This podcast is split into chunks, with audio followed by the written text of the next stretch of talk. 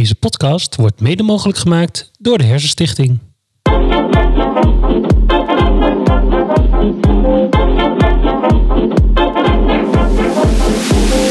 Ik vind hier iets van. De podcast met discussies zoals je die in de auto voert, Of in de trein, of op het terras, of in een bubbelbad. of overal dus. En het gaat over. Over. over alles eigenlijk.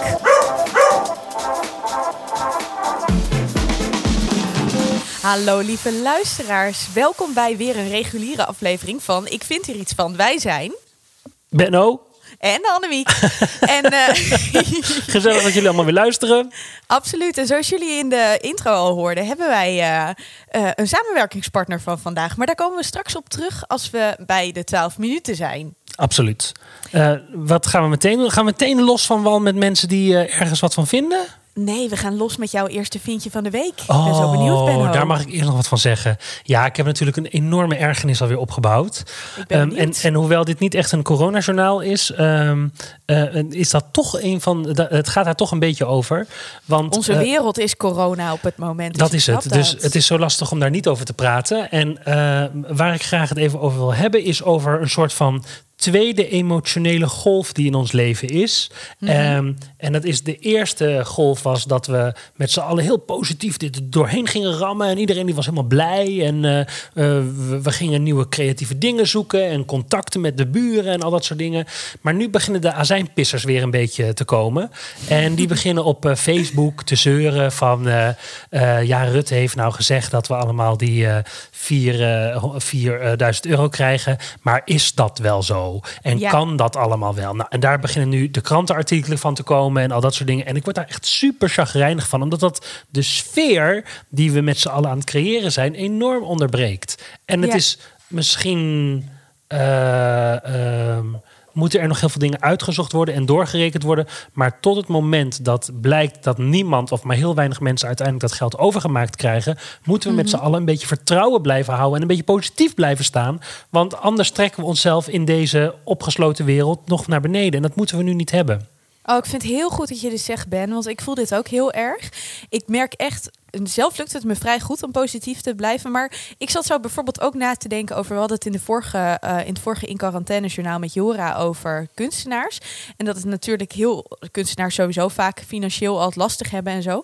Maar ik zat ergens het een beetje te analyseren. En toen dacht ik, weet je, misschien is het wel zo... dat op het moment zoveel kunst gecreëerd wordt... omdat ergens ook heel veel vrijheid is.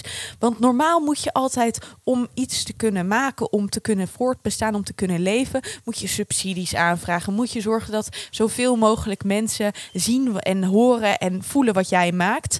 Ehm, en nu kun je geen kant op. Dus kunstenaars hebben eigenlijk alle ruimte om dingen te gaan creëren. Ja. En ik vind dat dat niet alleen voor kunstenaars geldt. Ik vind dat we dat allemaal zouden moeten doen. Dat je toch moet, hoe naar, want dat wil ik wel even benadrukken, deze situatie ook is. Probeer het er ook een beetje van te nemen. Probeer dingen te doen die je anders niet doet. Probeer, ja, eh, en dat- nou ja, dat, probeer te creëren. Probeer, en ook als je het niet wil, ook prima. Maar één ding is zeker: zeuren gaat niemand helpen. Nou, amen. Nou, dat Helemaal was goed dan, gezegd. Ja, dankjewel Ja, voor deze aanvulling. Jij bent aan de beurt. Wij zijn het gewoon met elkaar eens. Nou, ik ga nu ook wel even klagen. Want in deze tijd, ik zijn een paar afleveringen, ik kom niet zo aan lezen toe. En dat heb ik nog steeds wel een beetje, maar ik heb inmiddels heb ik het weer opgepakt. Mhm. Ehm, maar ik was dus in een boek bezig en ik kwam er niet doorheen. En dat boek dat heet Serotonine van eh, eh, Michel Welbeck. En ehm Welbeck is zo'n schrijver die eh, nou ja, echt wel literatuur, literatuur schrijft. En Mhm. ik heb ooit de kaart en het gebied van hem gelezen en dat vond ik heel goed. Maar ik merk dat ik van deze roman die hij schreef heel erg boos werd. Meerdere dingen. Het heet natuurlijk serotonine. Nou, dat eh, sluit wel een beetje aan op de aflevering van vandaag. Want Absoluut. serotonine is het stofje waar je gelukkig van wordt, wat je hersenen aanmaken. Ik eh, zelf heb daar, eh, nou ja, biologisch gezien een redelijk tekort aan. Dat wordt elke dag bijgevuld met zogeheten antidepressiva. Dus ik dacht, nou ja, dit boek dat moet ik lezen natuurlijk. Mijn vriend heeft het gelezen. Die vond het fantastisch. Dus, eh, en ja, hij is literatuurwetenschapper, dus je zou dan denken van, oh ja, nou het zal wel een goed boek Die zijn. heeft er verstand van. Die heeft er verstand van, maar ik vond het verschrikkelijk. En weet je waarom? Vertel. Hij, eh, het kan een, een genderding zijn, hè? want het gaat over een man die eigenlijk gewoon een soort van gebrek aan liefde heeft, maar ook aan zelf lief hebben heeft. En daar wordt hij natuurlijk mega ongelukkig van. En nou ja, maar ik vond het zo clichématig geschreven. Ik vond het zo'n stereotype van hoe we een man zouden kunnen zien die het moeilijk vindt om een relatie aan te gaan, die het moeilijk vindt om, nou ja, wat ik net al zei, echt lief te hebben en er ook volledig voor te gaan. Dat ik er gewoon zo pissig van werd. Mijn beleving van depressiviteit of van een onvermogen om te kunnen leven is zo anders dan wat hij beschrijft. En wat het nou nog erger voor mij maakte, is dat het de hele tijd alsnog stereotyperingen van vrouwen zijn die dan even geneukt moeten worden op een benzinestation. Woest werd ik ervan. Ja, echt. Nou, echt. ik ben blij dat ik je aan het lachen maakt ben. Maar ik, nou, ik ben dus heel benieuwd wat luisteraars die dit boek misschien ook gelezen hebben, uh, van dit boek vinden. Of zij mij nog op andere gedachten kunnen breien. Maar ik wil toch, mag ik één vraag stellen over die vrouwenneuken op het benzinestation? Ja. En, want de, de, de, de, context missen we hier een beetje van. Dus het zou fijn zijn als, we, als ik een beetje meer snap waarom hij dat vindt. Is dat omdat dat de enige manier is voor hem om een soort van contact, in contact met anderen te komen? Is hij boos op de wereld en moet hij dat afreageren op? Nou, ik vind wel dat hij heel erg. Ik vind wat ik zeg dat het heel clichématig is. Dus dat het heel erg zo is van. Nou, een man staat bij een uh, benzinestation en hij ziet een mooie vrouw. Oh, oh, oh, neuken, neuken, neuken. Dat idee. En um, daarbij ook op een gegeven moment is het namelijk zo dat hij uh, in een relatie zit. Hij is daar ongelukkig en wat doet hij? Hij gaat zichzelf volledig verstoppen. Dus hij gaat soort van verdwijnen. En hij hoopt dan eigenlijk bijna nog op zo'n soort van spoorloos uh, uh, zichzelf langs ja. te zien komen. Het is zo clichématig. Het is zo ja, we willen allemaal wel eens verdwijnen. Nou, dat wil ik ook het liefst. Maar dan wil ik niet op spoorloos komen. Want dan wil ik ook echt verdwijnen. Ja. Snap je? Het is allemaal zo nou, ik, ik, vind het. gewoon mega clichématig. Ik snap het. Nou, eh, jammer dat dit zo'n teleurstelling voor je is geworden. Ja, nou ja, ik vind vooral dat dit, deze man dan natuurlijk, omdat hij ja, wel gewoon goed schrijft, een soort van mega. Uh, nou ja, goed. Weet je, laten we hier geen woorden meer aan vuil maken. Uh, ik ben benieuwd wat lezers, uh, wat luisteraars van dit boek vinden. Ja, stuur even een mailtje naar Annemiek. Ik vind hier iets van.nl. Over mailtjes gesproken. Wat vind jij hiervan? Ik betrap mezelf er steeds op dat wij uh, uh, lezersbrieven zeg maar. We hebben natuurlijk een luisteraarsbrief. En de luisteraarsbrief van deze week is van Jip. Want Jip die vindt iets van elkaar drie zoenen geven. Hij zegt: Ik vind daar iets van.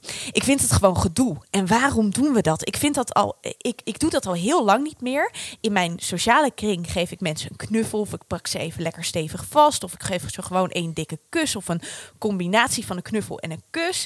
En als ik iemand niet ken, geef ik diegene gewoon een hand. Ja, nu niet, hè, Jip, want in quarantaine Precies, kan het is een beetje een uh, ingewikkeld uh, verhaal op dit moment. Maar het, ik snap heel goed uh, wat hij zegt. Hij zegt: Ik schrik er ook heel vaak van als mensen me drie zoenen willen geven. En dan gaat het heel vaak mis.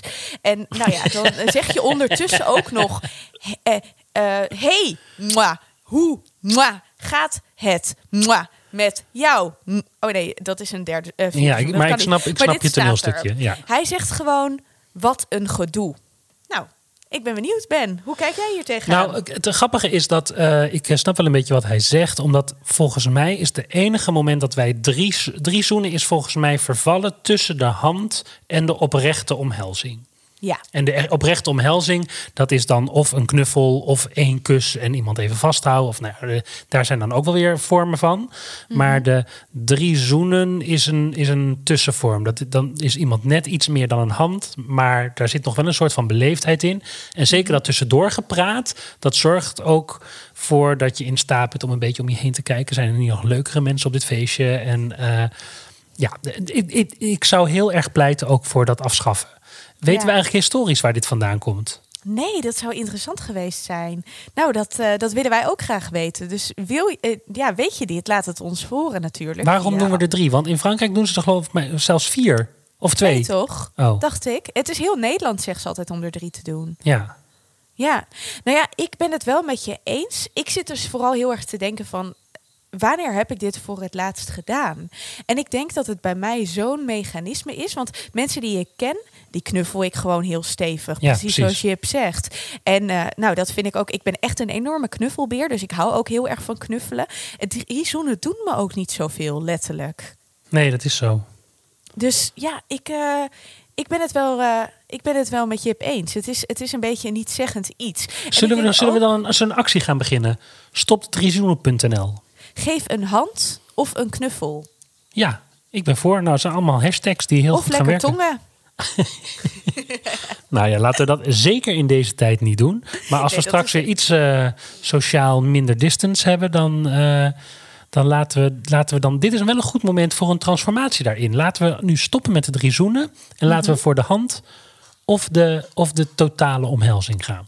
Maar ik vind een hand soms ook best ongemakkelijk. Hè? Want je hebt van die mensen die echt een hele stevige handdruk geven. En dat je handen er echt letterlijk een beetje pijn van doen. Je hebt van die mensen die echt een heel slap handje geven. Ja, En- ik vind vooral dat vrouwen dat doen, die te stevige hand. Echt? Eh, ja, nou ja, omdat daar voel je dan dat het zijn van. generalisatie, alom. maar dat zijn van die vrouwen die dan willen laten zien dat ze heus een stevige hand kunnen geven. En dan echt zo'n ferme hand geven. Ja, en dat doet ook gewoon echt letterlijk een beetje pijn. Ja, dat is Ja, zo. daarom. Zeker Het- als ze ringen om hebben of zo. Maar er zijn zoveel codes hier aan verbonden. En ik merk dat ik dat, dat hetzelfde met drie zoenen, dat ik die codes altijd een beetje lastig vind. Want dan heb ik het gevoel dat ik moet gaan analyseren hoe ik het doe. Dus of ik een stevige handdruk geef, of ik, hoe ik mijn drie zoenen geef, ja of nee. Ik hou gewoon niet van codes. Ik vind onderliggende codes heel ongemakkelijk. Maar ik denk ook dat nu ik er zo over nadenk, en dat heb ik eigenlijk nog nooit gedaan over dit onderwerp, dat ik zorg dat ik, dat ik, dat ik voorsprong heb als ik dit doe. Dus ik zorg dat ik in control ben, dat ik niet degene die naar mij toe laat komen de beslissing laat nemen of er gezoend een hand of weet ik wat. Dus ik ben altijd, ik ben altijd, probeer altijd de eerste te zijn.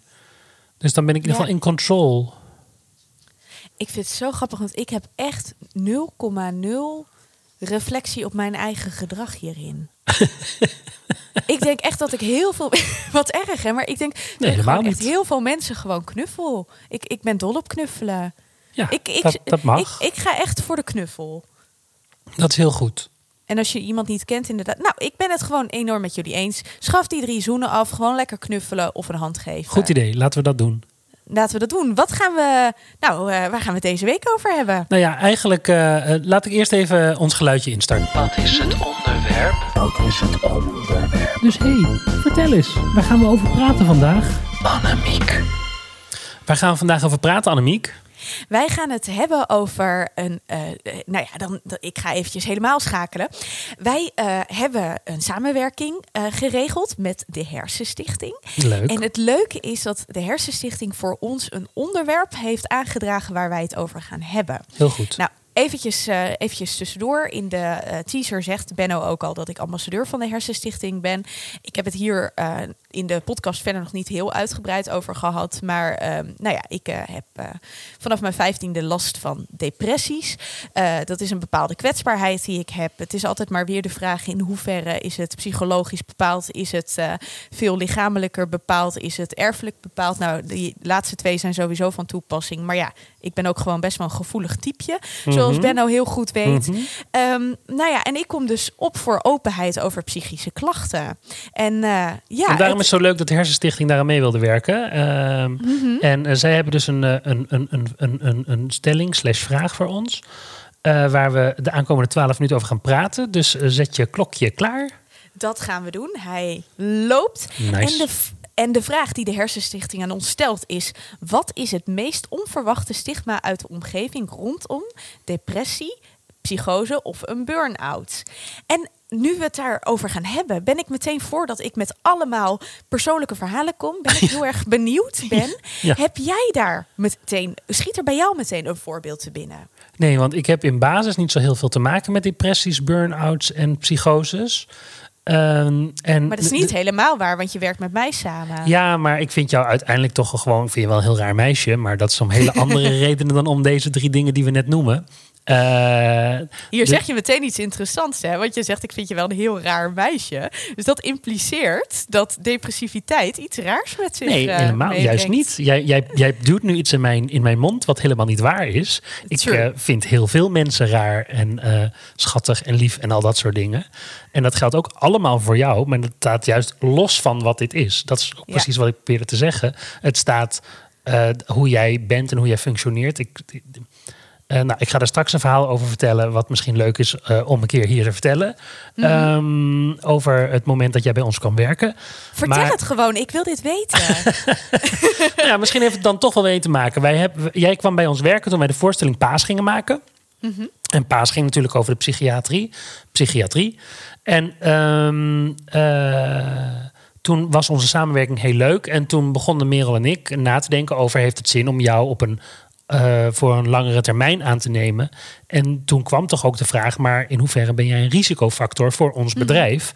om eh, mee te gaan werken? Want voor Ja. hetzelfde geld... eh, ben je na twee weken de- depressief en dan hebben Ja. wij een probleem. ja, En toen kwamen we uiteindelijk al heel snel tot de conclusie: ja, het kan niet zo zijn dat wij aan de ene kant voorstellingen maken over dit thema en dat we de, de, de, de, de begrip en de, de, de, de, de openheid daarvan promoten en tegelijkertijd zelf met de voorzichtigheid waar heel veel mensen mee zullen functioneren, eh, eh, gaan leven. Ja. Dus eh, toen hebben we dat meteen aan de kant geschoven en jou met open armen ontvangen. Met alle positieve gevolgen van dien. Ja, maar dat is echt zo. Want nu je dat zegt, ehm, ik weet dit moment nog heel erg goed. En ik weet ook dat Merel meteen zei van ja, maar ja, we kunnen ook allemaal een been breken en weet ik veel hoe lang eruit li- uit liggen. En toen dacht ik, hey, jullie begrijpen dit. Maar het grappige is dat eh, als we het dan gaan hebben over het feit dat jullie dit doen. ehm, ja, dat maakt eigenlijk dat ik dus heel goed functioneer. Want jullie hebben me echt met open armen ontvangen. Ik weet ook gewoon, het vertrouwen is er volledig. Mhm. Dus ik weet ook gewoon dat op het moment dat het niet zo lekker gaat... nou, dat hebben we bijvoorbeeld van het zomer meegemaakt... dat, dat, het dan, dat ik dan alles kan zeggen. En ehm, het, ik merk dat ik vaak nog wel met een soort van zelfstigma te maken heb. Dat ik dan bijvoorbeeld tegen jou zeg... ja, maar Ben, ik ga wel gewoon op tour hè, met Doet Sneeuwpijn. En dat jij zegt, ja, dat weet ik toch. En dat ik het op dat moment gewoon zo fijn vind dat jij zegt... ja, dat weet ik toch. Want dat, dat spreekt van zoveel vertrouwen. En ik weet dat jij weet dat ik er alles aan zou doen om het wel voor elkaar te krijgen. Ehm, en die rust die ik daarvan krijg, die werkt zo goed voor mij. Ja, Dus maar dat dat komt ook omdat je in staat bent om, eh, hoewel jij zegt dat jij net nooit nadenkt over eh, zelfevaluatie hebt over hoe je mensen kust, eh, hier wel heel veel zelfevaluatie hebt. Ja. En ik, eh, nee, jij laat het toe dat ik alles wat ik vind tegen je kan zeggen. Zeker. Dus dat is echt zo. eh, ehm, daardoor hoef ik nooit voorzichtig te zijn. Sta jij Mhm. altijd open en kunnen wij altijd een gesprek voeren zoals het gevoerd moet worden. En dat, Dat, is, is echt waar. eh, dat is wel een start als je je realiseert dat je met een achterstand begint. Ehm, Ja. En dat geldt natuurlijk voor heel veel. Kijk, eigenlijk is het een beetje te vergelijken met wat er op dit moment in de hele coronawereld gebeurt. Je hebt Mhm. de mensen die schrikken van wat er gebeurt. En die gaan, eh, ik chargeer enorm hè, maar Ja, die gaan ja. bang in een hoekje zitten wachten tot het voorbij, eh, voorbij is. En je hebt de mensen die denken, ah, dit is kansen. En die gaan vechten en die gaan oplossingen zoeken en hun eigen weg daarin bepalen. En daarin. eh, dus je hebt daar een heel groot verschil. En dat geldt eigenlijk voor jou ook. Jij bent ook heel erg van de tweede, eh, van de tweede soort. Alleen dan niet alleen in, alleen in corona, maar dus ook als het gaat over depressie eh, en alles wat daaromheen zit. Jij kiest ervoor om niet, er, eh, de- niet bij de pakken neer te zitten. Eh, wat Ja, is nou de uitdrukking? goed zo. Ja, niet bij de pakken neer te zitten. Je zegt het goed zo, Ben.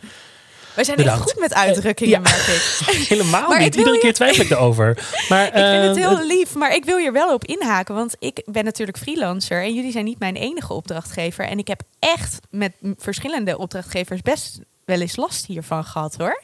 Dat, ehm dat het Ja, maar dat snap ik ook. helemaal. Ja, dat het toch niet helemaal ik vind dat ook, wordt. Nee, maar ik vind dat in basis ook helemaal niet erg. Het is, jij bent zoals jij bent. Net zoals Mhm. dat ik ben zoals ik ben. Met alle gekkigheden die ik heb. Dus Mhm. jij hebt nou eenmaal de plicht, tussen aanhalingstekens, om uit te leggen hoe jij functioneert. En wat jij voor extra stappen zal moeten doen en moeten zetten om te kunnen functioneren zoals wij vinden dat een gewoon, ik doe eh, quotes met mijn vingers, Mhm. een gewoon mens eh, zou moeten functioneren. Dat Ja. is nou eenmaal wat er bij jou hoort. Maar ergens vind ik, als je dit zegt, vind ik dat we die plicht allemaal hebben om gewoon elkaar een beetje wat meer uit te leggen hoe je werkt. Omdat ik denk dat dat helpt om begrip te Absoluut. krijgen voor wie jij als persoon bent. Alleen Absoluut. ik ben daar extra bewust van, omdat ik gewoon, nou ja, eh, dat vaak genoeg in mijn leven heb moeten doen. En toch moet uitleggen waarom ik bijvoorbeeld soms niet op feestjes verschijn. Ja, want Dus waarom dat- verschijn jij soms niet op feestjes, Annemiek? Nou, omdat eh, ja, ik, ik ben nogal, eh, dat hebben jullie vast in deze eh, podcast wel gehoord. Ik ben nogal een persoon met veel energie, maar tegelijkertijd heb ik ook heel weinig energie. Dus ik ben nogal van de uiterste. Ik hou heel erg van ergens volledig voor gaan. Maar dat betekent ook dat dat ja, eh, offers met zich meebrengt. En ik kan natuurlijk niet overal volledig voor gaan. En wat ik gewoon merk is dat als ik moe word, ik snel heel erg moe word. En eh, nou ja, eerlijk is eerlijk, ik ben best wel heel veel moe. Al klinkt dat natuurlijk niet per se zo. Dus als ik bijvoorbeeld naar een feestje ga... en dan denken we bijvoorbeeld aan een avondje stappen... of eh, een feestje waar gewoon heel veel mensen zijn... waar je toch een bepaalde... daar weet ik het trouwens ook nog een keer een podcast eh, eh, aan besteden... aan verjaardagen. Ehm, waar gewoon heel veel mensen zijn die je bijvoorbeeld niet zo goed kent of zo... dan vergt dat van mij heel veel energie. Omdat ik, nou ja, toch ook best wel open sta voor alle sferen... en wat iedereen denkt en doet. En daar moet ik heel vaak wel echt... Nou ja, zeker een paar dagen, soms best wel een week van bijkomen. Ja, maar dat is zo grappig, hè? Want ik heb eigenlijk... Sorry dat ik je onderbreek. Nee, dat maar mag. ik heb eigenlijk precies hetzelfde. Terwijl ik niet eh, op papier eh, een, een psychische aandoening heb. Mhm. Eh, m- maar ik zet mij op een feestje met vreemde mensen. Dat kost mij ook enorm veel energie. Want dan moet ik allemaal Mhm. gaan investeren en praten en chit-chatten... wat ik allemaal niet kan en wil. Dus Dit heeft mijn vriend ook. Maar, Ja, ik maar denk ik dat wil heel dus veel alleen maar zeggen, hebben, maar het gevolg is voor mij groter. Want als ik eh, onstabiel ben, dus ik bijvoorbeeld heel erg moe ben, is, is het voor mij veel moeilijker om negatieve gedachten te relativeren. En als Tuurlijk. dat gebeurt, dan ben ik kwetsbaar. Tuurlijk. Dus ik moet heel erg op mijn energie dan letten. En dat is het een beetje, zeg maar, waar andere mensen heel vaak ja, zich dan even rot voelen of gewoon lang uit op de, eh, op de bank gewoon zich even kut voelen, is bij mij de omslag naar depressiviteit gewoon sneller aanwezig. En dat is, eh, ja, daar, daarom moet ik zo op mezelf letten. Ja, maar en dan komen we dus wat volgens mij weer bij de vraag of de, de stelling die we officieel Mhm. hebben. Jij kent jezelf dus goed. Je moet kunnen uitleggen hoe jij functioneert. Je moet ook naar jezelf weten hoe je functioneert om Mhm. daarin zo goed mogelijk en misschien wel wat we met z'n allen verwachten, eh, hoe iemand functioneert, te kunnen functioneren. Ja, en daar zijn wel echt heel veel verwachtingen. Mensen, nou ja, zeker, dat merken we in deze coronatijden ook. Je moet alles kunnen. Je moet overal van op de hoogte zijn. Je moet eh, ook alles meemaken in het leven. Nou, ik moet heel vaak letterlijk zeggen: Oké, dat kan ik niet. En dat vind ik soms best wel heel ingewikkeld. En ik denk Maar vind jij nou echt dat jij dat vaker moet zeggen omdat jij eh, dit verleden hebt dan dat, dan dat ik dat moet zeggen? Nou, ik heb het gevoel van wel. Ik denk dat heel veel mensen nog veel sneller over hun grens heen gaan. Als ik kijk naar vriendinnen van mij, er zijn echt heel veel vriendinnen van mijn leeftijd die eh burn-out klachten hebben. En die heb ik niet. Weet je waarom niet? Omdat ik vanaf mijn vijftiende mijn grenzen al moet aangeven. Ja, maar en dan komen we dus bij het punt wat ik volgens mij wil maken. Is Mhm. het gaat er dus om hoe je ook in elkaar steekt, dat je jezelf goed kent en dat je dus zelf je eigen grenzen kan aangeven en kan bewaren. Dat, Ja. dat, daar gaat het dan toch uiteindelijk om? Dat klopt. En ik denk daarom ook dat we dat allemaal moeten doen. Alleen Ja. ik merk dat wel, in, als ik dat doe, dat het niet altijd goed opgevat wordt. Ik heb echt, want ik wou nog eventjes over het feit, zeg maar, dat jullie eh, bij Solo Stories zo ontzettend fijne partners zijn om mee samen te werken. Ik heb echt best wel veel eh, bedrijven voor gewerkt en dat ik vanaf begin af aan gewoon heel open ben. Ik zeg ook altijd, ja, google me en dan eh, zie je mijn depressie-cv. Ja, dus nou ja, wat dat betreft.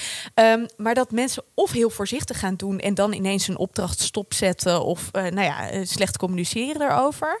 Of wat ik ook gewoon gehad heb, is dat mensen alsnog heel erg gaan pushen. En dat ik op een gegeven moment zeg van ja, dit trek ik nu even niet. Of dat ik heel zakelijk moet gaan zijn. Wat ik heel moeilijk vind, waar we het al eerder over gehad hebben. Jazeker. Ehm, waardoor. eh, op een gegeven moment het toch, als ik mijn grenzen aangeef, heel erg confronterend voelt. Terwijl eigenlijk iedereen dat moet doen. En dan Ja. wordt het toch een dingetje in je samenwerking. Terwijl ik niet wil dat het een dingetje wordt, want ik ben gewoon anemiek. En op het moment ben ik niet depressief. Nee, maar ik vind ook daar, daarmee gezegd hebben dus dat jij, dat jij heel goed bent in je grenzen aangeven. En dat jij dus van je grenzen aangeven een kracht hebt gemaakt. En dat is waar. Ik ga echt heel erg generaliseren, voel ik nu. Dat spijt me ergens enorm. Maar ik denk We toch hebben nog een minuut. zeggen. En ik wil Oh, nog een goede ja. afsluiter. Ja, oké, sorry. Dat je, dat je dus, eh, ehm, dat omdat jij tot een kracht hebt gemaakt, word jij er sterker van. En het gevaar is dat mensen het als een zwakte gaan zien. En daardoor dus als een slachtoffer van de situatie zich gaan behandelen. En daardoor mensen van zich afjagen. En jij laat de deur altijd openstaan. Nu mag jij. Ja, want dit is echt, dit sluit zo mooi aan. Dit is een fantastisch bruggetje. Het is namelijk zo dat wat je uiteindelijk merkt, en ik denk dat dat de allerbeste tip is voor iedereen die dit luistert, die te maken heeft met iemand met psychische klachten in de omgeving, ga niet invullen. En dat is precies wat jij en Merel niet doen en waarom onze samenwerking zo ontzettend fijn is. Jullie laten alles aan mij over. En jullie geven mij ook het vertrouwen dat ik zelf die grens mag aangeven. En omdat jullie niet invullen en niet voor mij gaan bepalen wat het beste is, voel ik enorm veel vrijheid en nou ja, dat, dat, is, dat is gewoon het allerfijnste. Ook in een persoonlijke relatie. Nou, ik gun mijn dat echt iedereen. niet. Ja, echt. Niet invullen, lieve mensen. Nee. En dan vijf, vier, drie, twee, één. Ja. Ik vond dat er best nog veel pauze zat tussen de 1 en de 0. maar dat geeft niet. Hij, hij, hij was er. Maar het is een iPhone, hè, Ben? Ja, dat is ook zo. Ik zal het zo meteen nog even het geluid goed eronder monteren. Dat we het echt hard horen. En dat gaan we doen. Ik vond het een heel fijn en goed gesprek. Was Ik ook. wat anders dan anders, maar Heel ik goed, word er ja, heel zeker. warm van. Goed zo. Eh, de Hersenstichting bedankt voor jullie eh, samenwerking. Heel leuk. Absoluut. En eh, ja. ben jij nou ook geïnteresseerd? Kijk dan even op www.ikvindhieritsvan.nl.